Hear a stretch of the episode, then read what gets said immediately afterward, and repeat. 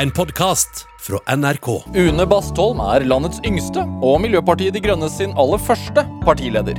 Hun er også partiets eneste representant på Stortinget, hvor hun sitter i energi- og miljøkomiteen og finanskomiteen. Tidligere har Bastholm jobba bl.a. i Naturvernforbundet og Dyrevernalliansen. Og hun har startet og drevet egen dagligvarebutikk sammen med moren og søsteren sin i Trondheim. Dette er Drivkraft med Vegard Larsen i NRK P2. Une Bastholm, velkommen til Drivkraft. Takk for det. Var det livet oppsummert? ja, det, det, det føltes som det var en kortversjon av CV-en, i hvert fall. Hvordan har du det? Bra. Ja. Ja. Eh, Jeg er jo ganske gravid. Jeg har eh, termin om eh, ja, litt over to måneder. Hvordan føles det? Så morgenene er alltid litt spennende. Ja. Men nå er jeg vel såpass utpå dagen at nå, nå begynner jeg å komme. Kvalme? Litt kvalme, ja. Ofte. Mm. Så det her, er et, det her er jo mitt svangerskap nummer to. Uh, Litt tøffere enn det første. Mye tøffere, egentlig. Uff, hva Du tok opp den ballen, hva vil det Ja. si? Jeg, vil jo, jeg var jo i veldig god form sist, da. Jeg var veldig heldig, tror jeg. Um, drev jo jeg var sånn jeg var ja, øh, fysisk god form. Ga jo um, aerobic-timer. Jeg har vært instruktør i aerobic en del, og holdt, med det, holdt på, på med det til uke 30, vel, før jeg ga meg med det. og så fikk jeg litt, sånn- kjente jeg litt i bekkenet etter hvert, men ganske lite. Og så Ja. Mens den gangen her så kom sånn bekkengreier kom veldig tidlig, og eh, kvalmen har det vært mer av, og mer sliten. Og, men man, ja, de sier jo at ofte med nummer to så får du jo du får ikke hvilt like mye, for du har et barn fra før, og kroppen har jo blitt eldre, og kroppen har vært gjennom litt sånn slitasje før, da, med en fødsel, så tok litt tid før jeg vente meg til det, men nå har jeg det veldig bra. Ja. Men hvordan er det nå, da? To måneder før termin? Er- ja. Gled, gleder du deg? Sitter jeg Ja, er over? ja. Eh, gleder meg veldig. Du mener meg gleder meg til å få, få et barn til? Nei, det skjønner jeg at du gleder deg til, men altså at graviditeten er ferdig. ferdig, ja. Altså det er litt mindre uh, Det her er sikkert individuelt og sånn, men for meg i hvert fall så er det jo litt mindre magisk liksom andre gangen. Så, og særlig jeg har jo, jeg er ganske sånn opptatt, interessert i kropp, da. Og, og alt, alt fysisk, egentlig, liksom. Og så Også første gangen var det veldig fascinerende, hele greia. da. Ja. Alle stegene. ikke sant? Alt, når, også når det var slitsomme ting, så var jeg sånn åh, nå er det slitsomt sånn, og eh, Så vil sikkert samboeren min si at jeg klaga litt også den gangen, men eh, det husker ikke jeg så mye av. Jeg husker mest liksom at det var veldig sånn Ja, for det er jo magisk. Det er jo helt utrolig at det går an. At man lager et barn og bærer det fram inni seg og føder det og hele Alt det der er jo fantastisk. Men når du har et barn fra før, og du har vært gjennom det, så er det sånn For det første så er det jo veldig mye du har på en måte vært gjennom før, og så Du har ikke tid når du har et barn fra før, vet du. Nei. Ikke sant? Det er noe med det òg. Hun tar jo all oppmerksomheten, Ja. så det skal hun ha. Ja. Det får hun. Ja. Hva gleder du deg mest til, da? Og- Med å få et barn til? Mm, jeg gleder meg veldig til å se dem sammen, de to jentene som blir sannsynligvis jente og andre her òg, da. Ja. Eh, det gleder jeg meg veldig til. Og så er jeg veldig glad i den babybobla. Eh, så jeg håper den blir Hva er, hva Eh. er babybobla? Babybobla er at det blir på en måte noe som Du, du kutter jo ut en del andre ting eh, som du kanskje ellers stresser og jager med, og så måtte, zoomer man veldig inn på noe veldig nært da, eh, i en fase der.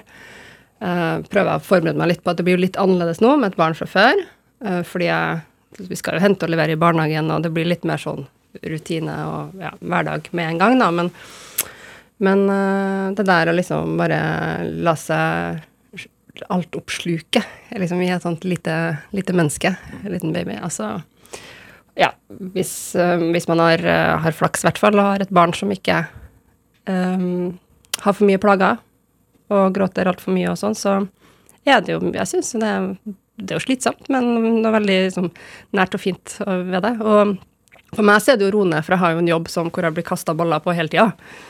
Eh, Så her er det i hvert fall liksom bare én sjef. så jeg har jo eh, ja, nesten 100 000 velgere bak meg som, som, som jeg skal tjene, da. Ja. Ja. Hvordan, er, hvordan er jobbhverdagen din nå? Den, akkurat nå, under korona, så er den jo ja, kanskje halvparten av dagene er på Stortinget. um, og halvparten av dagene er hjemme. Så tirsdager og torsdager er, er jo er det jo alltid saker i Stortinget, og onsdager som regel også, med spørretime, hvor vi spør ut regjeringa om ting her. Um, og det er jo stort sett ganske hektisk. Um, vi har jo hatt en fase nå hvor jeg har holdt på mye med planlegging og gjør oss klar for valgkamp, mens nå er jeg ganske opptatt av å liksom få vært uh, ja, få passe på å bruke tida f.eks. til å få snakka til velgerne om det jeg er opptatt av, og det er jo mediearbeid, da. Føler du sånn ekstra press når det er bare du som er der? Ja, det er ekstra press. Um, jeg tror kanskje også det mest slitsomme er at det er så få dele på jobben med. Ikke sant? Så hvis jeg ikke stiller i noe, Ja. uh, i hvert fall av det som skjer formelt på Stortinget, så er det jo sånn at da er det ingen andre som kan gjøre det. Um, og det er ganske strenge regler for å få uh, permisjon og få inn varer. Så det er kanskje liksom Jeg kjenner nok mer på det enn på presset, for jeg tror um, ja, da er vi litt inne på drivkraft og sånn, men jeg har jo alltid søkt ansvar. sånn at jeg, har, jeg føler sjelden på en måte at det, det er tyngden med presset i seg sjøl som, som er slitsomt. Det er mer enn ja. Det hadde vært kult med flere å dele på jobben med. Og det skal vi få til til høsten, da. Mm. Hva er det du liker som ansvar, da? Hva jeg liker med det? Ja. Siden du har søkt det? Jeg har aldri tenkt på at um, Jeg har aldri tenkt på at det er noe like. Jeg bare er, jeg bare er sånn. Eh, det er meningsfullt Jo da, det er vel meningsfullt å være der det skjer, på en måte. Og, det og jeg er jo en sånn som um, har brukt å blande meg inn i ting som jeg syns er viktig. Um, og, Kan jeg vanskelig da er det liksom Hæ? Det kan jeg vanskelig forestille Ja. meg. Eh, nei, så fra tidligere så har jeg liksom Ja, jeg blanda meg og vært ganske um, eh, komfortabel med å si hva jeg mener om ting. Og Som for eksempel, hva snakker du om når du snakker tidlig? Altså tidlig, nei, da er det jo altså elevrådet, liksom? Eller hva? Ja, elevråd. Mobbesaker. Gikk inn i mobbesaker, for eksempel. Sånn Hvis jeg så at det foregikk i skolegården um, Det er ikke sånn kjempemange eksempler på det, men det er jo et par som jeg virkelig husker godt, da. Også fordi jeg fikk tilbakemeldinger liksom via foreldrene senere og sånn, på at det var ganske viktig for han det gjaldt da. Hva gjorde du da, da? Nei, jeg gjorde noe som egentlig lærte litt av, og som var noe litt enkelt, egentlig. Og det var at det var en situasjon hvor han sto alene. Og så var det en gruppe med gutter som var fra samme klassen. Vi gikk alle i samme klasse. De sto liksom noen meter unna og sto og ropte mot den og flira av han og sånn. Og han prøvde jo egentlig hele tida å være litt en del av den gjengen, men ble på en måte aldri akseptert, da. Hvor gammel prater vi nå? Nå er vi på ungdomsskolen, Ja. akkurat det her. Ja.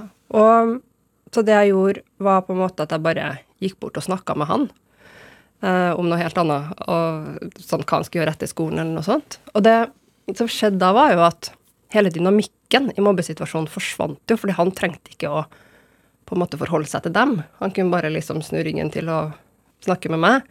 Og da ble jo på en måte deres deres agenda ble på en måte helt kansellert, fordi han var jo ikke interessert i å, i å være inkludert hos dem lenger, eller han trengte ikke han. Ja. Så det, da rusla han dem videre, da. Um, jeg tror jeg har lært litt uh, Eller siden jeg husker så godt da, um, så tror jeg det ga litt inntrykk på meg at jeg, det var så lite jeg trengte å gjøre, egentlig. Nå var det én konkret situasjon, og det var mange situasjoner ja, sikkert som jeg, jeg, som jeg aldri så, da. Så det er ikke sikkert det stoppa der, altså. Men, men det at det var på en måte du bare med å være um, Med å ikke liksom bare eh, overse eller prøve å være en del av den gjengen Mm. jeg, da. Eh, ved å velge på en måte å gå bort til han og um, vise at han er ikke noen som er alene. Han er ikke noe offer her dere kan drive og hakke på. Vi, han er en kompis, liksom. Ja. Så uh, ja, brøyte litt opp, da. Så bare ved å blande deg litt, så fikk det en s- Ja. stor påvirkning på Jeg sa ikke noe spesielt smart heller. Det var ikke sånt jeg liksom snak, Jeg snakka ikke til dem, da. Nei. Jeg bare gikk bort til han. Og ja. øh, veldig fin fyr, forresten, som, øh, som jeg vet litt hva jeg driver med i dag. Og han var jo sånn typisk sånn uh, Du vet, det er ikke alle som passer inn på, på skolen. Og det er ikke uh, I hvert fall ikke alle som passer inn på ungdomsskolen. Ganske få av oss, vil jeg tro. Det er jo en tøff tid. Men han er veldig kreativ, og mye energi. Veldig mye energi og veldig kreativ fyr. Ja. Under Bastholm også Det at du har termin om, om to, to måneder, Mm. og så er det Det er valgkamp i år, da. Mm. Hvordan, hvordan sjonglere det? Ja. Um. Nei, det, jo, det går jo ikke an, på en måte, egentlig. Så, men det vi kommer til å gjøre, er at uh, jeg går ut i permisjon. Og, Dårlig planlagt. Ja, kjempedårlig planlagt. Um, og Nei, så jeg går ut i permisjon noen måneder, så kommer jeg inn i jobb igjen for den intense valgkampen i august og september. Hvordan blir det? Og da har jeg en baby og en samboer på slep. Og så kommer besteforeldrene til hun eldstedattera mi til å være mye med henne. Og så blir det amming og prepping og debatter om hverandre. Mm. Så alle, alle må stille litt opp for at mor skal få det til? Ja, og litt sånn, vi har tulla med at han Peter, da, som han heter samboeren min, blir liksom en del av teamet rundt meg. ikke sant? Han blir jo bare, han kommer til å være der med den babyen ganske mye. Og det er viktig for meg å kunne fortsette å ha den morsrollen, selv om jeg kommer til å være i jobb da. Ja. Uh, og så går jeg ut i permisjon igjen når det roer seg etter valget. Ja. Så jeg er litt åpen for når det blir, fordi vi håper jo egentlig å kunne komme inn i litt tøffe forhandlinger. Ja. Da skal jeg være med på det. Men ellers så ja, for målet er jo at kanskje en gang i oktober, da. Mm. skal komme inn atskillig flere enn deg på Stortinget denne Ja, gangen. vi, eh, det er jo målet, og ganske sannsynlig at vi kan bli en gruppe. Og litt avhengig av da størrelsen på de andre partiene, så kan jo vi få en ganske sentral rolle i noen forhandlinger. Så det blir spennende. hva, hva hvis det blir kolik og sånn, da? Ja, nei, det, så det Om det, da, så har jeg tenkt at det får jeg ta når det kommer. ja. Um, nei, det er ikke noe Det er ikke gitt at det kommer til å gå supersmooth. Men um, jeg har vært i ammetåke i partilederdebatt før, så ok, det, det er et par, et par ting som, et par ting som, er, eh, som redder en, da. Og det er jo eksempel at du får jo særlig eh, Jeg var jo faktisk Det har jeg ikke fortalt før, men eh, jeg var jo gra blitt gravid i partilederdebatten i Arendal i høst, altså i fjor høst. Og det var litt det samme som skjedde, at da var egentlig ganske dårlig. Altså Det var helt i starten. Altså, det var helt sånn jeg begynte å få liksom de der ekle sånn, symptomene, eller det sier man kanskje ikke det mest når det er sykdom, nei, men ja, det der, ikke sant, kvalme og, og veldig øre og sånn, ja. da. Sånn og så var det så varmt, og så hadde jeg på meg en sånn, den nye, flotte powersuiten som, øh, som jeg skal ha på i sånne partilederdebatter, da, er bestemt. Hvordan ser den ut? Den er grønn. Eh, Den er litt, sånn, litt samme farge som den blazeren jeg har på nå, altså, men den er i ull. Og det var jo veldig sterk sånn TV-belysning på den scenen, så jeg var veldig varm og var veldig uvel. Men nå kommer egentlig poenget at det som skjer, og det her klikka skikkelig i gang når jeg skulle i duell med Trygve Slagsvold Vedum, da kom liksom adrenalin og kortisolet. Og da, da er det noe annet som tar over. Så da, kommer liksom, da kommer kroppen i en sånn overlevelsesmodus, tror jeg. Ja. Så da forsvant den der kvalmen og ørreta og sånn, og da var jeg liksom i gang. Og det skjedde egentlig eh, det året også jeg hadde vært i mammaperm med hun første, da, i hele våren og gjennom sommeren. Og så, når jeg da skulle ut i jobb igjen, så var jeg rett inn i partilederdebatt 6. august. Eh, det her var 2018. Ja. Eh, da også var jeg ganske tåkete, altså. Eh, men, eh, men det er noe med liksom farta og hormonene du får i gang også når du står i en sånn debatt, som redder en inn litt. Ja. Ja. Men hvordan er det Altså, du kunne jo tatt uh, lengre perm og så latt noen andre ta seg av valgkampen. Ja, det kunne jeg. Men hvorfor har du valgt uh, å nå sånn planlegge at det ikke skal være sånn? Um, fordi jeg tror valgresultatet er avhengig av at jeg er i de debattene. Og det er jo derfor jeg driver med det jeg gjør, og, for å få mest mulig gjennomslag på en måte, for de verdiene og det prosjektet jeg tror på, da, som jo i stort er um, å sørge for at den, den rettferdigheten og det fellesskapet vi har vært så gode til å på måte få på plass for oss som lever her og nå i Norge, at det får blitt mer og mer også en rettferdighet og en, et fellesskap vi føler på tvers av generasjoner. At vi føler mer ansvar da, for, for hvordan vi leverer kloden over til våre barn og barnebarn, og også på tvers av grenser. Et sterkt internasjonalt engasjement. Og, øh, og jeg mener jo at vi er viktige for å få til den endringa som dette århundret krever, og da er valg veldig viktig da, for partier. Det er liksom der mye av eh, det, ja, det er der det avgjøres hvor mye makt vi får, og ja. Er det litt sånn også at hvis du hadde hatt permisjon i stedet, Mm. og valgresultatet hadde ikke blitt som du ønsket, da At, Ja. at du hadde tenkt på det så mye i ettertid at du føler at du nesten må? Jeg er ikke sånn som dveler veldig mye ved dumme valg jeg gjør, men Litt, og der hadde jeg nok øh, øh, Det hadde jeg nok kommet til å kjent på en stund, ja. Det var på en måte For meg var det jo Det skulle vært veldig, veldig vanskelig å øh, være i jobb da, for å, for å liksom planlegge for å være i permisjon i, i en sånn intens valgkamp. Hvor viktig er enkeltpersoner, da? I valgkampen? Det er jo dessverre øh, For gjenkjennelighet for folk, da, øh, så, så er det viktig. Og politikk er jo tillitens sport, på en måte. Og meg har flere og flere sett en del ganger, og de vet hva jeg står for. Og da er budskapet mitt, når jeg gjentar det, også mer troverdig.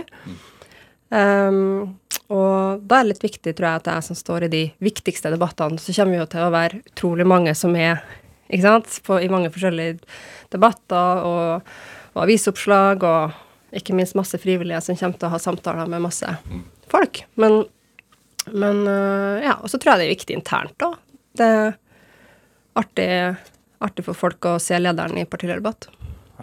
Du må gå foran som et som, som en leder, rett og slett. Det er på en måte ansvaret mitt. Ja. Det, har det forandret seg fra talsperson til blitt leder? Er det, er det enda, Ja, blitt det har enda blitt tydeligere for meg, da, Ja. på en måte. Ehm, det er jo ehm, Det er jo faktisk ikke sånn følelse av at det er veldig ofte at liksom, ah, nå har jeg siste ordet. Og at det, for at du, du god ledelse, det krever jo prosesser uansett. på en måte. Jeg tar jo mye beslutninger sammen med andre. Men de gangene man er uenig, og det skjedde jo av og til når vi hadde talspersonmodell Jeg har vært med, først med Rasmus Hansson og, og med Arild Hermstad, og begge de to er veldig, veldig flotte, kunnskapsrike, inspirerende eh, folk å jobbe med. Sånn at, men vi har jo selvfølgelig hatt uenigheter, for vi er jo forskjellige politikere. Og da er det jo litt mer sånn uklart hvordan lander du det her. Eh, særlig hvis det må gå litt fort. Um, men, eh, men aller mest så er det faktisk rollen og den der For meg ble det tydeligere og mer motiverende, egentlig, fordi at uh, det er ryddigere, på en måte. Hvordan da? Eh, ja, hvordan da? Nei, det er vel at um, jeg blir, føler mer ansvar um, Hvordan var det ikke ryddig før, da? Nei, det er jo det at du kan, du kan på en måte gjemme deg litt bak uh, Jeg vet ikke om man liksom bevisst gjemmer seg, men, men man, det blir mer utydelig på en måte hvem som har ansvar for eksempel, hvis det er noe som viktig som skal skje, hvem som har ansvar for den framdrifta av at man kommer i havn, eller uh, for helheten, da. Og jeg har jo mye ansvar for helheten, i tillegg til å være en sånn figur som driver og er på i avisene og på TV og sånn. Eh, så har jeg jo ansvar, liksom øverste ansvar for prosessene. Um, og så har vi jo flere, Vi har partisekretær som, som er eh, operativt. da, Jeg har øverste ansvar ikke sant, i valgkamp, f.eks. For, eksempel, for kampanjen. Men eh, Har du noen eksempel på når det kunne vært rotete? liksom? Jeg vet ikke om jeg har sånn veldig øh, gode Jeg tror kanskje mer det som ikke skjer. Ikke sant? Fordi at man, man føler hverandre litt, og, og jeg vet ikke. Ja. Og så er det jo veldig mye av den talspersonen. Nå likte jeg også den modellen veldig godt, jeg må bare si det, og det passa jo meg veldig godt, for jeg var jo ung. Um, og det er kanskje fortsatt for mange som partileder, jeg var jo enda yngre da i 2016 når jeg ble talsperson. Og jeg har jo tenkt mange ganger at jeg hadde nok ikke blitt Og vi kalte jo det ledere, vi har en to-leder-modell, ikke sant. Jeg hadde jo ikke blitt leder for De grønne uh, i gammel var jeg da? Altså sånn midten og slutten av 20-årene, kanskje, hvis jeg uh, hvis jeg måtte gjøre det hoppet fra å være rådgiver og rett til leder. Mens når jeg kunne være talsperson sammen med en annen, så var det på en måte både for andre og for meg lettere å se at det, det gikk an. kunne, vi kunne sende Rasmus Hansson i de mest krevende debattene i starten, mens jeg på en måte ble varm i trøya. Har eh, MDG, mens du har vært der, altså utvikla seg til å bli et mye mer profesjonelt parti? Ja, det har vi jo Ja. med årene. Og jeg ble jo med i 2010. Da eh, Da var det jo mm, Vi var jo mindre, og det var jo mer som ikke var på stell. Altså som organisasjons- og arbeidsgiver så er vi jo proffer nå, uh, i positiv forstand. Uh, men jeg er egentlig ganske opptatt av å holde på noe av det der uh, folkebevegelsesfølelsen som vi har hos oss. hva er det for Nei, noe? som er litt sånn, Du kan komme og du kan være helt ny, men du en- hvis du har gode argumenter eller du kommer med et engasjement, så skal du få ta plass med det. Selv om du ikke har gått alle liksom ran eh, i noe hierarki først. ikke sant? Du trenger ikke å være liksom hovedtillitsvalgt for å eller sitte i landsstyret liksom for å, for å bli hørt i et møte. Så, man har ganske eh, På den måten jobber vi fortsatt eh, Håper jeg de fleste vil kjenne seg igjen i, hos oss. da. Litt sånn at du får ta mye plass, og du får fort ansvar hvis du ønsker det. Um, selv om du er ny. Og det tenker jeg er en utrolig styrke i seg sjøl. Altså, det er jo en veldig bra side ved en organisasjon, fordi du hele tida får nye blikk, og du, du får en sånn uh, litt takhøyde for diskusjon om hvordan man gjør ting og sånn. Um, og før så var vi nok kanskje det viktigste som ligger i den profesjonaliseringa, at før så var det jo veldig mye av det, og kanskje litt lite av de lagte rutinene og retningslinjene som gjorde at kanskje en del ting ble diskutert litt vel mye før. sånn på nytt hver gang, ikke sant? Mens nå er det, tror jeg, en fin balanse. Mm. Når merka du at de andre politiske partiene så på dere som et som en utfordrer, da? Eller som, som et, et Og ta oss på alvor litt. Tok dere på Ja, nei, Det skjedde jo i 2013-valgkampen allerede. Jeg husker jo Venstre og SV gikk ut med sånn felles utspill hvor de advarte mot å stemme på oss. Uh, det er ve veldig artig. Jeg har jeg har ikke plaga dem med å minne dem på det. Men det var jo ganske hva, hva sa de? Nei, det var noe med å splitte miljøvelgerne og sånn, da. Altså at du, antar at det finnes en gitt mengde velgere der ute som er opptatt av miljø. Og så tenker vi sånn når det kommer et nytt parti, da, så, så fordeles de på flere, og det gjør at alle vi tre partiene da, var vel de redd for kommer til å holde oss små. Istedenfor uh, det som jeg mener veldig beviselig har skjedd, er jo at miljøengasjementet har økt, fordi du har fått flere partier som setter det høyt, og vi maser jo mye om det, og det gjør også at det når overskriftene oftere, og flere er opptatt av det. Mm. Dette er Drivkraft med Vegard Larsen i NRK P2. Og i dag er eh, lederen for Miljøpartiet De Grønne, Une Bastholm, her hos meg i Drivkraft på NRK P2. Du er fra Trondheim? Eller er det feil å si? Nei, det, det er riktig, men du hører jeg drar litt på det Ja. vel, fordi jeg er jo mest fra Trondheim, men jeg bruker å si jeg er fra Trondheim og Bodø, og at jeg er trønder og nordlending. Fortell. Ja, um, jeg har jo ehm, vokst opp ble født i Trondheim, og så flytta vi ganske tidlig til Berkåk i Rennebu kommune, litt sør for um, Trondheim. Så det er jo en bygd uh, hvor jeg bodde fra jeg var tre til fem år. Og um, når jeg var fem år, så bestemte mammaen og pappaen min seg for å flytte fra hverandre. Og det var nok lurt, tror jeg. Ikke at jeg husker noen krangler og sånn, men, men det, ja, det har, og det har vært veldig bra. De er fortsatt gode venner, og det er egentlig en veldig fin historie. Men da flytta mamma med oss tilbake til Trondheim, hvor hun hadde jobb, da. Og jobba på Sintef. Um, og er sosiolog og jobba som forsker, og hadde begynt å få litt mer sånn lederansvar og sånn på den tida. Og da bodde jeg jo i Trondheim fram til jeg var elleve år. Og da fikk mamma en veldig kul jobb i Bodø. På Nordlandsforskning, så ble jeg administrerende direktør der. Uh, og da flytta mamma og jeg og storesøstera mi til Bodø. Og det var jo da var, jeg- sant, Jeg ble elleve rett etter vi flytta, så da, det er jo akkurat den alderen hører jeg dem sier, hvor også veldig mange begynner å At du fortsatt kan bytte dialekt. Så det gjorde jeg jo også. Så jeg har jo en nordlending i meg, eh, som jeg av og til bruker også i politikken, men, men jeg er blitt egentlig advart mot at folk syns det er litt forvirrende. Så Ja. jeg bruker å legge den bort. Ok, Så nå fortsetter jeg på trønder. Men da, så det, det skjedde jo da at um, jeg fikk to dialekter. Og når du har en dialekt, så er det på en måte Det er jo en del av identiteten din. Selv om jeg er to, så er det for meg så er det jo eh, samme, samme greia, på en måte. Eller ja, det er jo et, jeg er jo, jeg er jo UNE med to dialekter, da. Eh, og det, de årene i Bodø de var jo fram til jeg var 16 og et halvt, før vi flytta tilbake til Trondheim. Og de årene var veldig formende. Altså det er jo de her ungdomsårene eh, eh, Ja, fra 11 til 16 og et halvt. Det var bare Og veldig mye som skjedde. Jeg ble jo liksom Jo, man går fra å være et barn til å bli en tenåring. Ja, og så, det er jo det. Og, og politisk vekker fikk jeg. Altså, sånn, jeg ble jo med i AUF da jeg var 14 år. Um, og så drev jeg veldig mye med dans. På ungdomsskolen holdt jeg på Jeg hadde jo seks kurs i uka. um, hver uke. Så på, på et tidspunkt ja, eller over et par år eller noe sånt på ungdomsskolen. Men så men veldig det, dedikert. Men det å flytte til fra ett miljø til et annet er ikke alltid like lett, det heller, da? Nei. Jeg ble jo, jeg ble jo prøvd å liksom bli hersa litt med, husker jeg.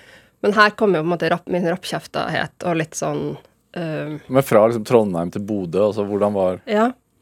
Jo, det var mm, Det var veldig spennende.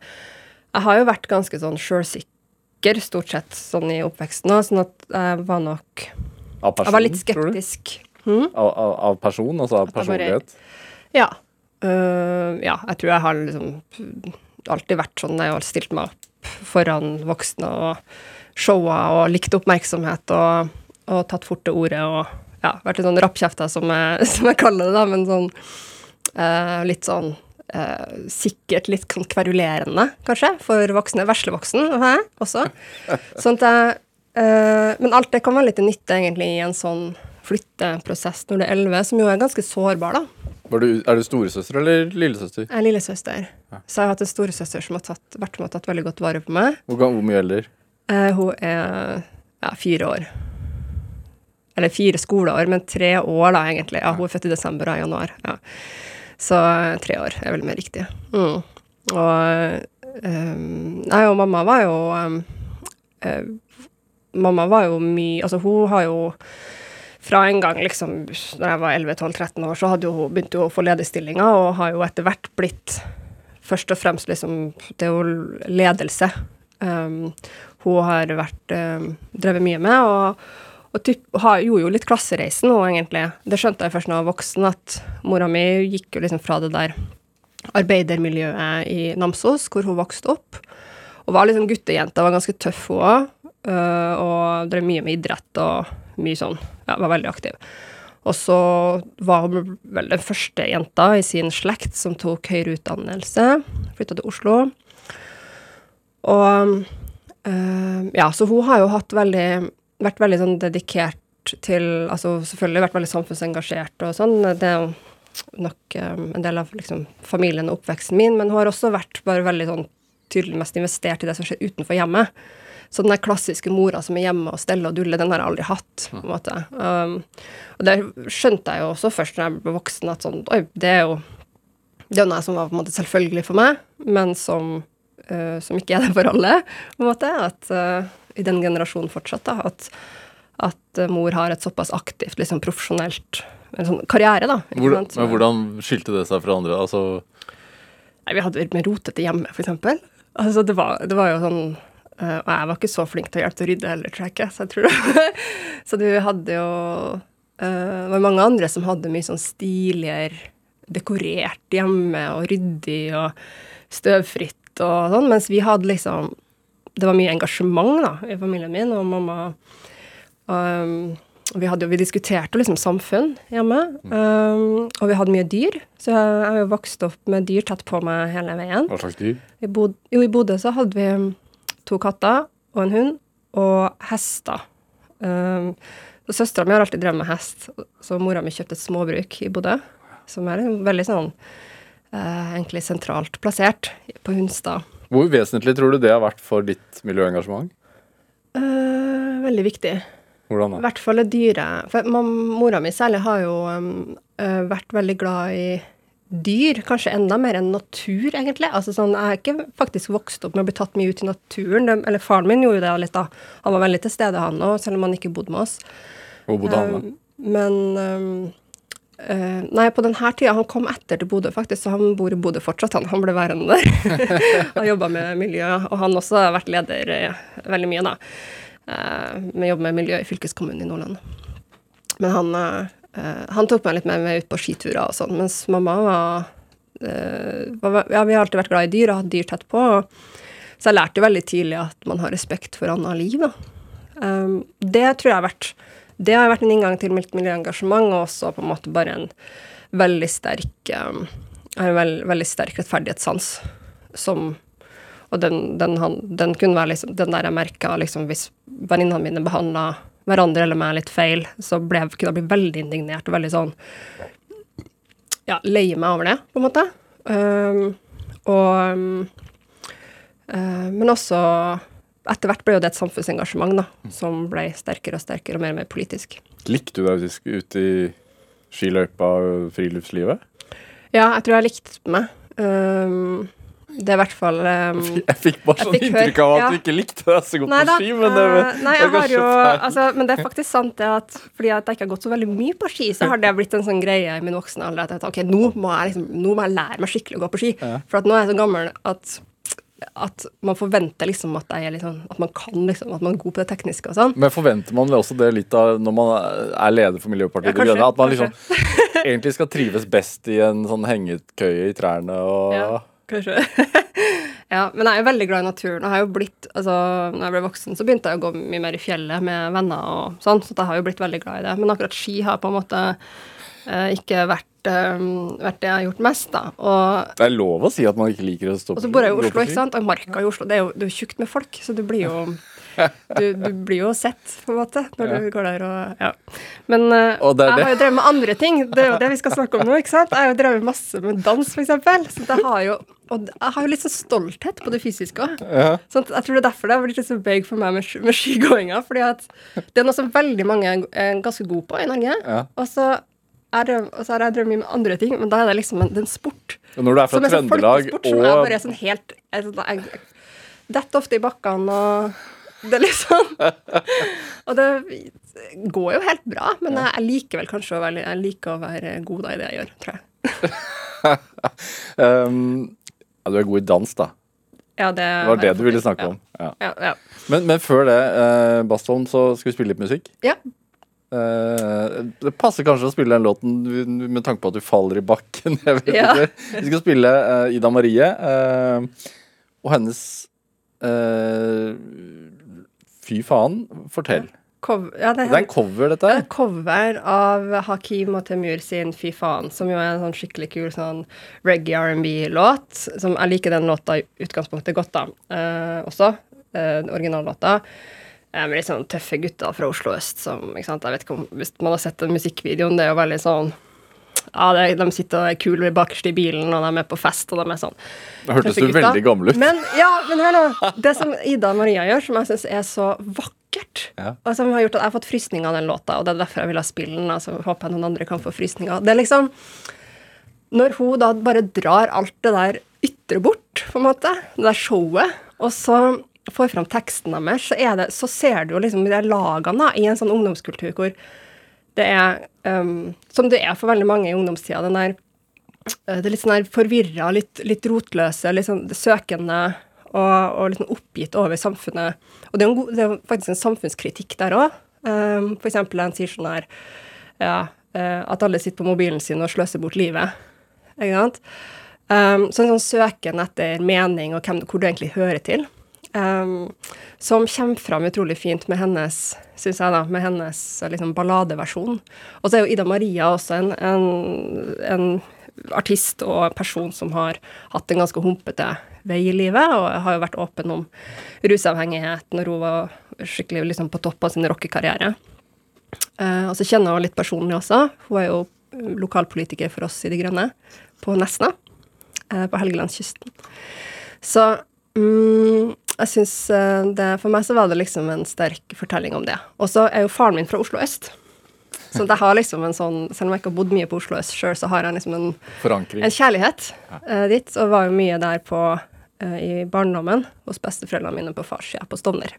Ja.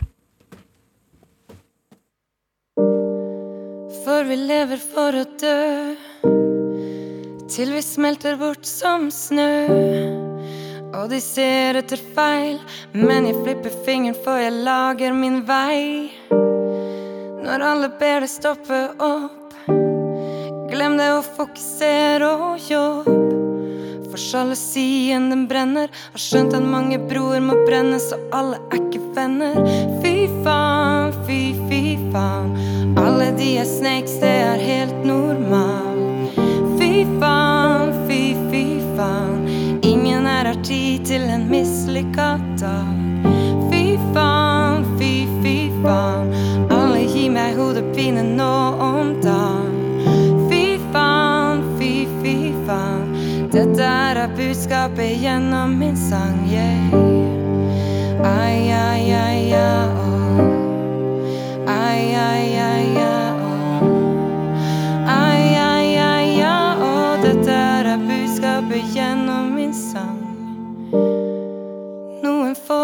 snakker mye Mye bak min rygg Snakker mye på mobilen Fortsatt på den og de sløser bort livet Forandring må skje. Vet det er klisjé. Men dette er ikke film, så sett deg ned og hør på når jeg gjør min ting. Faen. Mange gutta mine har begynt å høsle om dagen. Fy faen, fy, fy faen. Ingen her har tid til en mislykka dag. Fy faen, fy, fy faen. Skal vise alle sammen, for jeg sitter på en plan, yeah. Fy faen, fy, fy faen. Dette er budskapet gjennom min sang, yeah. Ai, ai, ai, ai.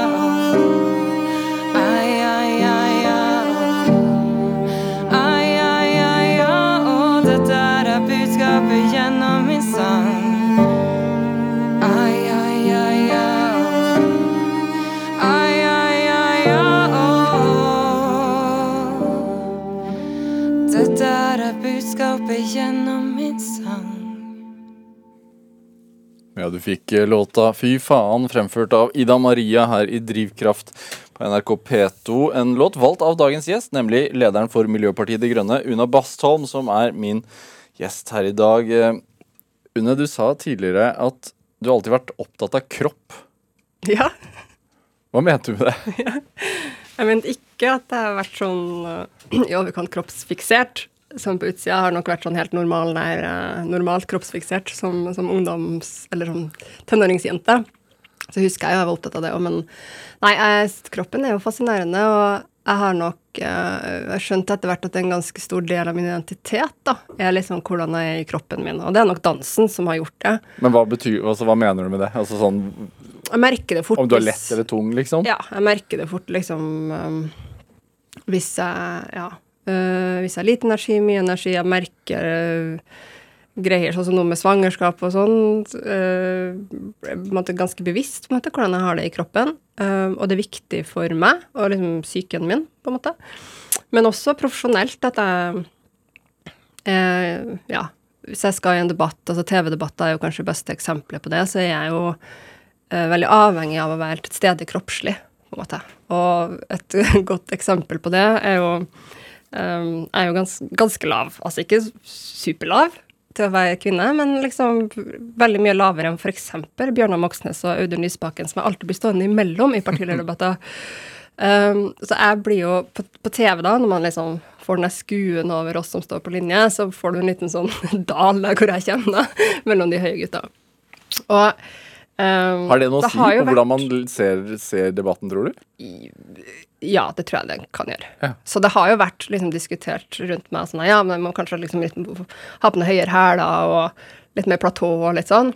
Uh, men da har jeg vært ganske sta på at jeg trenger å kjenne bakken godt under meg. Jeg trenger å ha kontakt, ikke sant? Fordi at jeg henter på en måte energien fra fra der nede liksom fotsåla og så opp, og så skal det gjennom et senter, og så skal jeg liksom Jeg må være, jeg må være, jeg må være liksom godt um, rota, da, med kroppen min for å kunne hente ut energien fra et sted i midten av kroppen, og både framføre en god debatt sånn Kamp... eh, verbalt, men også ha en god ha, vær, uh, Ja, ha en bra kroppslig tilstedeværelse. Jeg vet ikke noe bedre måte å eh, si det på. Kampstilling. Ja, det er på en måte min kampstilling, som jeg kan være klar til å enten bokse eller, eller diskutere. Ja. Men hvor, hvor, hvorfor, hvorfor dans, og hva slags dans? Jeg holdt på uh, mest med jazzballett fra veldig tidlig, så, og mye moderne, altså moderne dans, som jo er, er mye forskjellig, men ja, eh, er jo mer sånn um, Uh, uttrykk, enda mer uttrykksfull, på en måte. Skulle du bli danser? Jeg vurderte litt, og så kom det et sånt veivalg når jeg på, skulle begynne på videregående. For da hadde jeg jo også fått et ganske sterkt politisk engasjement. Og så var jeg ganske flink på skolen, uh, særlig de fagene hvor jeg likte læreren og syntes det var verdt å gidde å liksom imponere. Jeg har vært litt sånn I hvert fall har det vært min unnskyldning de gangene jeg har hatt liksom lærere som har vært litt dårlige, så bare Eller dårlige, eh, beklager hvis noen av dere hører, men altså hvor jeg ikke var så fornøyd, da. Og ikke Ja. Du har skyldt på læreren? Da, da var jeg litt sånn Nei, nei, vet du hva, da, jeg gidder ikke å imponere noen bare for å gjøre det, bare for at det er forventa. Eh, og det er jo det der jeg er oppdratt til òg, så det kan jeg skylde på mine foreldre.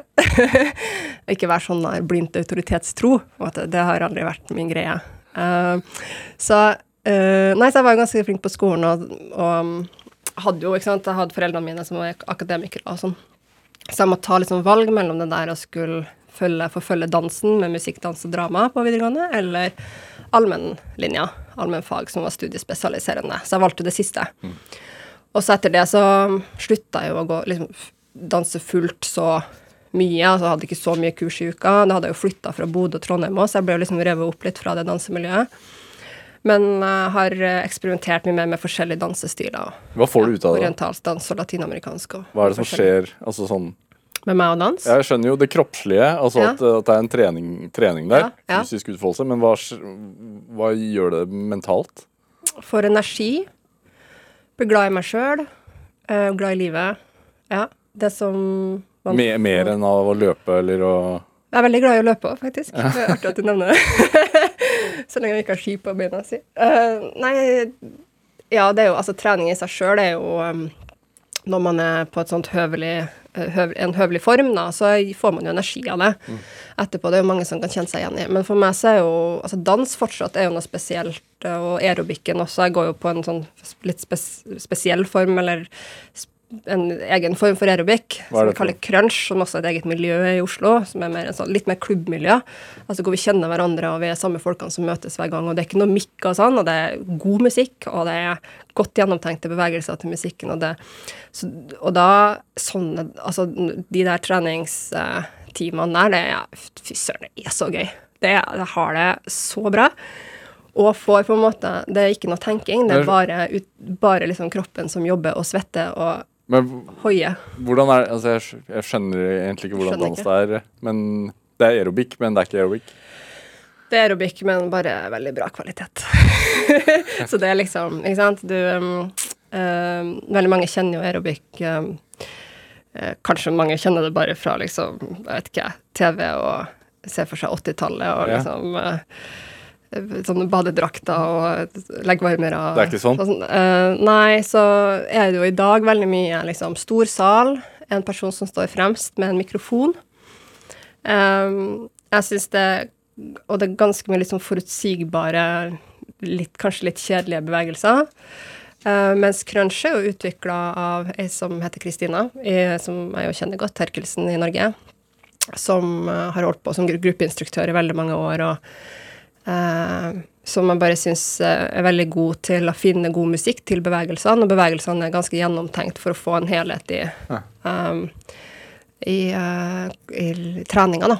Sånn at du trener både liksom eksplosivitet og styrke og, og utholdenhet og ja, og muskler som skal samarbeide. Og, og så gir det mening, på en måte. Altså Når man følger musikken litt, man gjør bevegelser som gir mening i musikken. Men det ble ikke dans, det ble Nei. politikk. Hva var det som vekket liksom, det politiske engasjementet? Var det en enkeltsak, eller hva var det?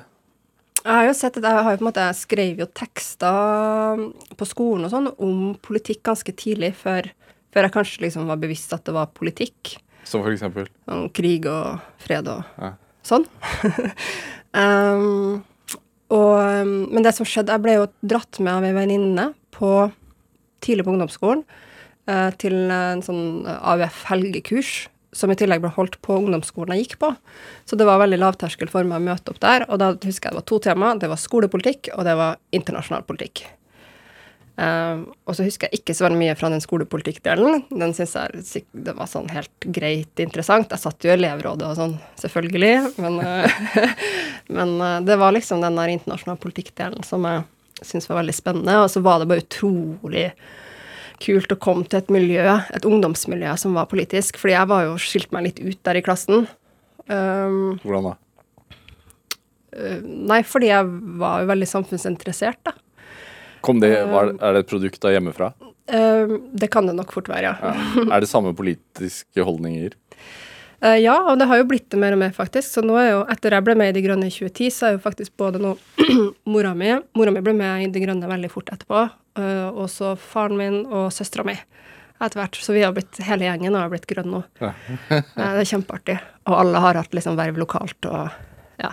Um, nei, så uh, Så ja, det var en del samme holdninger, men særlig det med på en måte um, rettferdighetssans, og at du, du på en måte At man står for noen sånne solidaritetsverdier, har jo vært viktig da i min familie. Rettferdighetssans, ja. Um, Men var det da altså at Har du vokst opp med da en tanke om at man, man skal og man kan få til endring som enkeltmenneske, liksom? Ja. Jeg tror Jeg kan ikke huske noen situasjoner hvor jeg har blitt fortalt det. Veldig. Uh, men, uh, men jeg tror bare i måten Altså, mora og faren min var jo engasjert, liksom, utafor hjemmet. Og faren min er arkitekt, uh, utdanna, og jobba mye med ja, by- og arealplanlegging og sånn. Um, og vært leder i A-fag, Arkitektenes Fagforbund, i tolv år tidligere. Så han òg hadde et veldig sånn fagforeningsengasjement da, ved siden av eh, jobben sin. Og, um, og kanskje ikke minst så lærte jeg um, Jeg lærte det der å, å liksom stå opp for det du mener, og at det er greit å skille seg ut. Eh, men også en, en, um, et ansvar for for andre, på en måte. Sånn at det har aldri vært noe poeng for meg å melde meg ut, men jeg har også eh, likt veldig å skille meg ut. Det har jeg gjort. Så jeg gikk jo med sånn litt rare klær på slutten av barneskolen og ungdomsskolen og sånn. Når var det du skjønte at det var klimaet som var viktigst? Det var faktisk Det var først etter Det var mens jeg skrev masteroppgaven, det tror jeg. Altså da uh, Så da er jeg liksom ja, på slutten av studietida. Når snakker vi?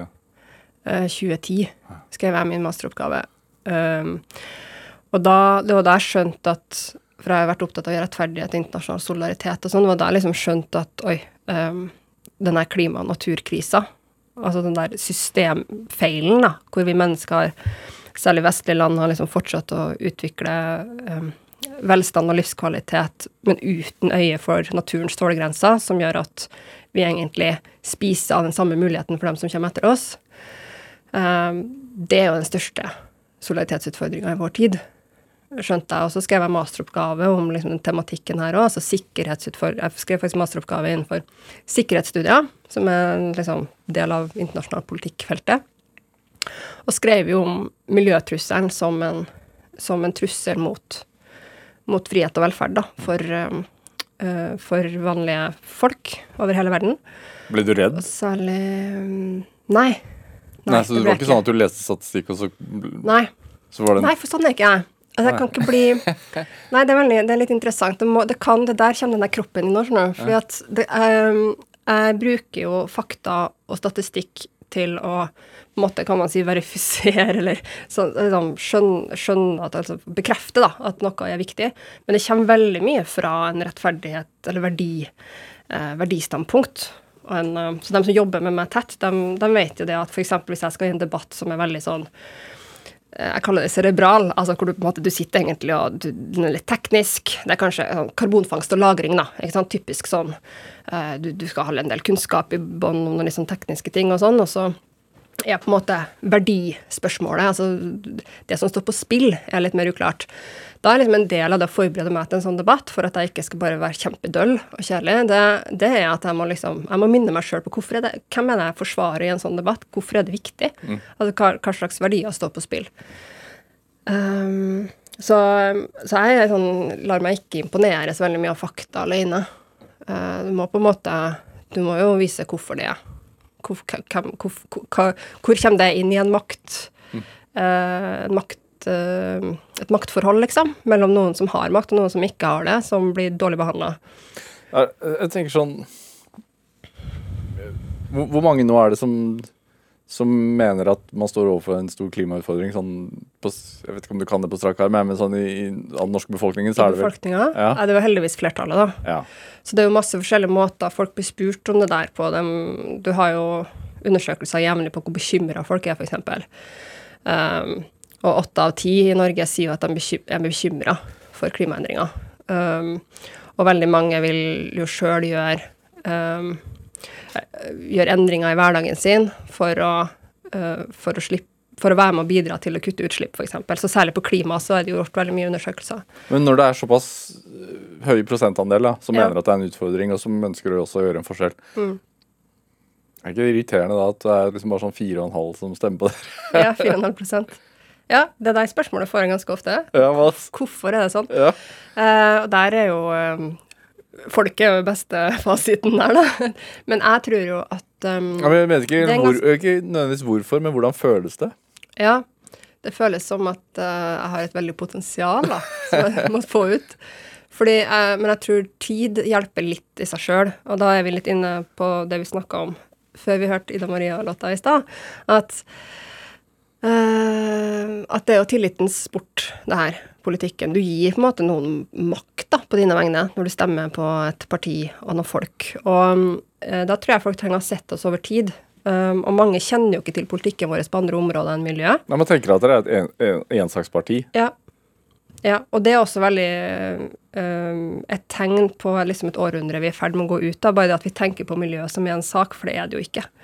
Altså, jeg er jo i debatter om samferdsel, om næringspolitikk, om energipolitikk. og ikke sant, det her kan jeg jo altså, Det går inn i alle samfunnssektorer, um, egentlig. Um, både klima- og naturutfordringer. og um, Så det er jo én ting, men en annen ting er at liksom, det er jo ganske mye som tyder på at helsa vår også er avhengig av et sunt miljø rundt.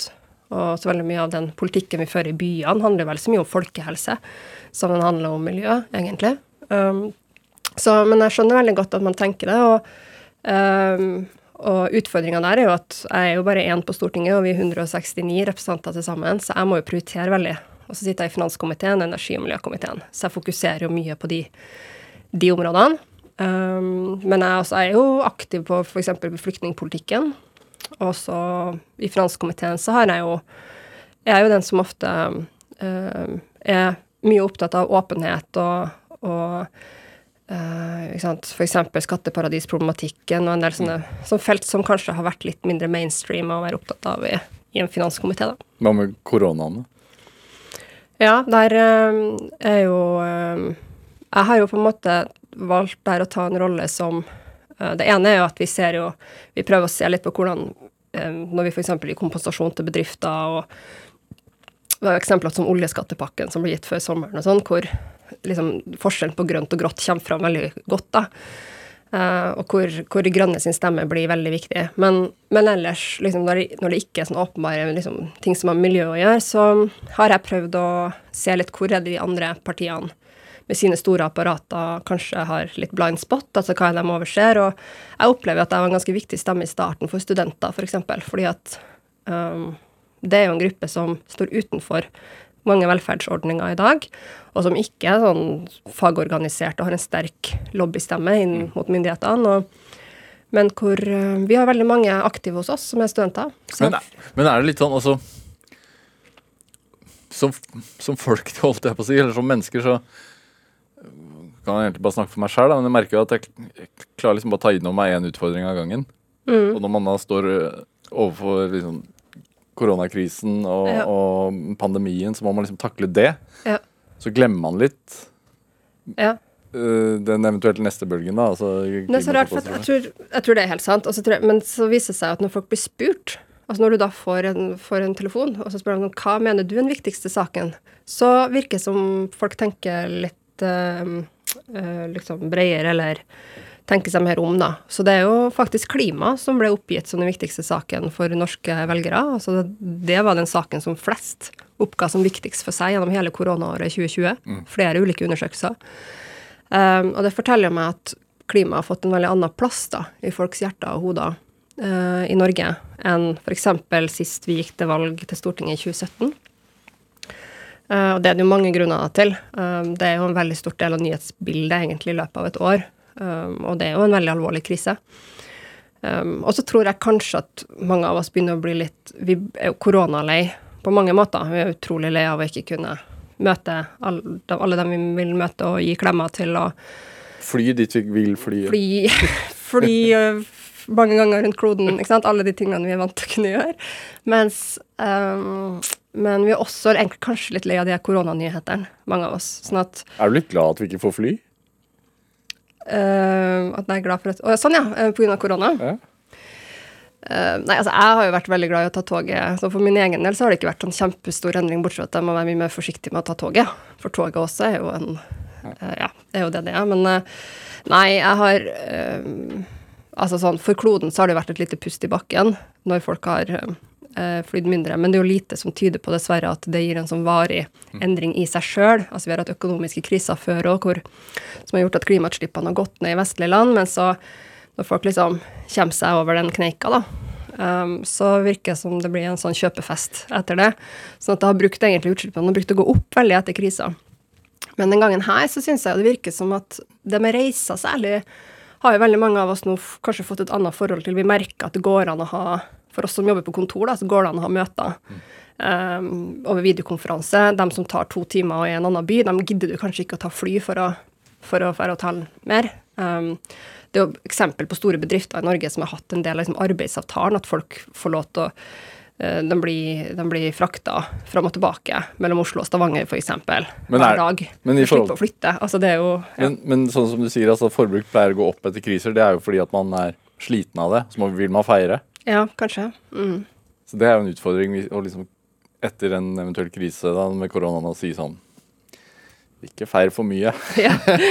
ja. Jeg er veldig spent på deg. Minst like spent som deg, altså. Um, jeg tror at det koronaen også har minnet oss veldig på, er det, det fellesskapet vi er en del av, og vi har kjent veldig på at vi kan være med å ta ansvar sjøl, sånn altfor alt konkret, da, ikke sant, men vi har jo blitt tvunget til det. Uh, for uh, noen som er mer sårbare i samfunnet vårt. Og så er min oppgave da å minne, uh, minne oss alle på liksom, at de sårbare også, en del som ikke er blitt født ennå, og kommer til å skal arve den kloden her. Helt til slutt, Une Basson, 20 sekunder. Hva er drivkraften din? Mm, det er jo rettferdighet å stille opp for sårbare. Faktisk, det er litt klisjé, men det, det, det som gjør meg forbanna, er liksom maktmisbruk. Så det kan ikke jeg sitte og se på. Så det er også et snev av liksom behov for å blande seg, som er min drivkraft. Tusen takk for at du kom hit til Drivkraft uansett, og lykke til med valg og fødsel. Takk skal du ha. Du har hørt en podkast fra NRK. Hør flere podkaster og din favorittkanal i appen NRK Radio. Hei, jeg heter Synva Hjørnevik. Da jeg vokste opp, hørte jeg mye om Lommemannen en mystisk overgriper som hadde vært overalt, og som når som helst kunne slå til igjen. Politiet trapper opp jakten på den såkalte lommemannen, som skal ha forgrepet seg på over 100 unge gutter i Sør-Norge. Nå har jeg dykket inn i saken for å forstå hvordan han kunne holde på i så mange år med så mange ofre. Nå, nå bretter vi opp ermene og krummer nakken her, for nå skal vi ta han. Det er en spennende fortelling om dedikerte politifolk som strever med å sirkle inn Norges største serieovergriper. Denne mannen må jo stoppes. Hør alle episodene i podkasten Hele historien i appen NRK Radio fra 18. februar.